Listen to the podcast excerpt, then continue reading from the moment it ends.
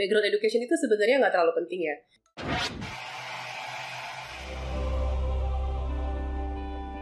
Banyak yang suka tanya, Cici, gimana sih cara cari customer service yang oke? Okay? Karena saya lihat tuh Cici tuh punya CS pada oke-oke, pada betah gitu kan.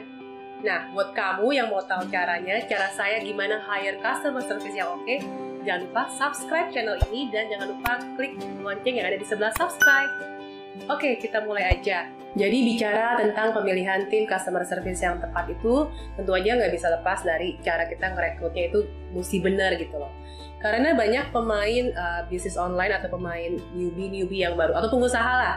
Rata-rata tuh mereka masih ngerekrut customer service itu main feeling gitu loh. Kayaknya cocok, kayaknya oke okay nih. Jadi kalau bisa tuh kita memilih tim customer service tuh yang memiliki karakter utamanya yang supel, yang nggak gampang gugup, yang influencer, dan uh, satu lagi juga nggak boleh baperan. Orang dengan karakter supel cenderung tuh mudah akrab dan pintar berinteraksi dengan baik Sementara kalau yang karakternya stabil, steady, itu juga bisa bikin mereka tuh lebih sabar, nggak mudah bosan. Nah, kedua karakter tersebut tuh sangat-sangat diperlukan dalam dunia pelayanan.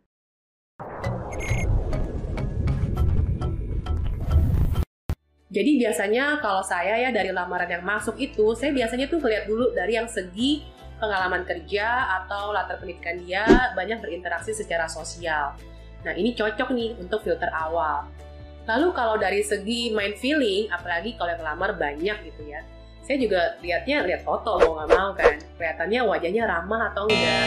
Nah ini juga akan menjadi pertimbangan. Nah dari sini uh, saya saya juga sortir awalnya mulai dengan cara interview via WhatsApp. Saya pengen tahu dong dia itu cara jawab pertanyaan saya di WhatsApp itu seperti apa.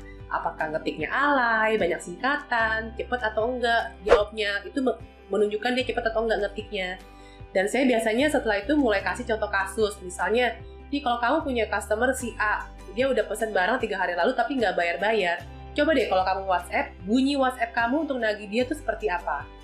Nah di akhir WhatsApp, kalau saya cocok, saya biasanya akan minta lagi link Facebook dan Instagram dia. Intinya link media sosial dia. Nah kalau misalnya dia sampai nggak mau ngasih, biasanya itu ada apa-apanya. Entah dia itu suka tulis-tulis tips yang galau atau suka curhat yang aneh-aneh atau mungkin nakal gitu kan di media sosial ketahuan. Nah, kalau misalnya dia itu memang orangnya oke, okay, orangnya ramah terhadap uh, dan su suka memberikan vibrasi yang positif, harusnya dia nggak keberatan gitu ya kalau kasih media sosialnya.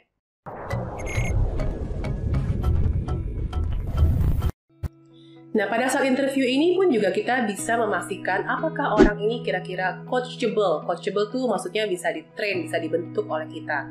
Dan apakah dia tuh bisa mengikuti budaya kantor kita, budaya dan sistem. Jadi jangan sampai uh, ketika dia masuk, tapi kok kayaknya sepertinya orang ini apa ya keras kepala gitu loh. Misalnya akan kelihatan kok misalnya ketika kita menjelaskan contohnya, oh kalau di kantor saya budayanya seperti ini, istirahatnya jam sekian. Kemudian juga kalau menjawab customer itu seperti ini.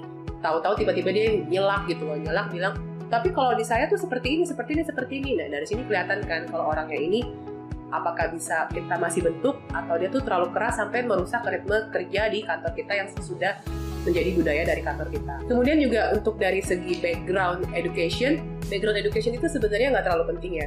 Faktor utama dari customer service yang kita bisa uh, ambil adalah yaitu tadi sifat ingin melayaninya, nggak gampang baper, terus juga supel, itu yang paling penting sebetulnya. Dan akhirnya keterampilan mengetiknya dia itu seberapa cepat. Tapi keterampilan mengetik itu kan tentunya bisa diasah, apalagi kalau ngetik di handphone, melayani via WhatsApp itu masih bisa diatur.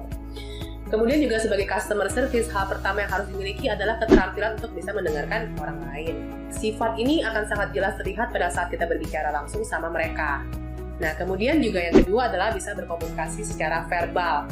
Jadi, kalau tadi awalnya kita rekrut via WhatsApp, kemudian sudah lolos, dia responnya oke, kita juga ingin tahu ketika dia kita tanya secara langsung, apakah dia jawabnya gugup atau enggak. Boleh diceritain nggak, kamu orangnya itu seperti apa ya? Hah? Uh, boleh nggak diceritain kelebihan kamu apa aja? Saya juga nggak tahu, Bu. Jadi tidak banyak orang yang lancar dalam berkomunikasi. Kita harus bisa memilih tim customer service yang pintar berkomunikasi dalam bahasa yang sopan dan santun. Kemudian juga yang ketiga, bisa berempati. Empati itu mudah diucapkan tapi tidak mudah dilakukan. Untuk bisa berempati, seseorang harus benar-benar fokus dan bisa merasakan apa yang dirasakan oleh lawan bicara. Jadi cobalah untuk melihat dengan jeli ya, dengan seksama, apakah calon customer service kita ini punya karakter seperti ini. Nah lalu kemampuan problem solving juga harus uh, dimiliki ya oleh si CS ini. Makanya tadi kan saya sempat kasih beberapa study case ketika masih interview via WhatsApp. Nah nanti begitu interview langsung dengan kita, kita bisa langsung tanyakan lagi.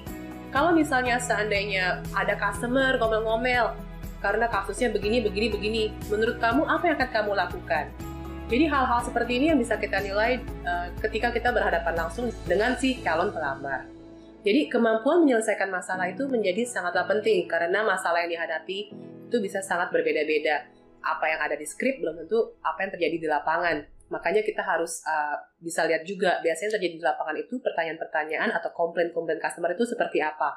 Kalau ada customer yang komplain, jawabnya seperti apa. Yang terakhir adalah dia mau belajar hal yang baru dan gampang, cepet nangkepnya.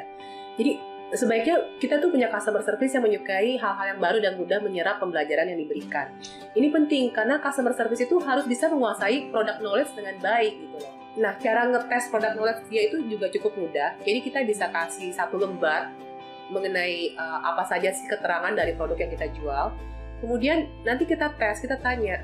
Misalnya kalau kita jual produk seperti pakaian, ada lebarnya, ada ada ukurannya segala macam, ada warnanya pilihan variannya ini ini ini. Nanti kita bisa tes tanya. Kalau misalnya si ananya uh, Mas, Mas, saya maunya yang warna biru. Ternyata warna biru habis. Apa yang akan kamu lakukan? Nah, bagaimana cara menawarkan warna-warna yang lain? Meskipun jawabannya tidak sempurna, itu juga nggak apa-apa karena kita cuma ingin mengetahui seberapa handalkah dia dalam melayani customer kita. Nah, itu aja tips-tips dari saya untuk mengenai rekrut customer service. Nextnya, saya akan juga bahas bagaimana sih cara membuat karyawan itu betah di kantor. Jangan lupa subscribe, komen, dan share video ini ya. Bye!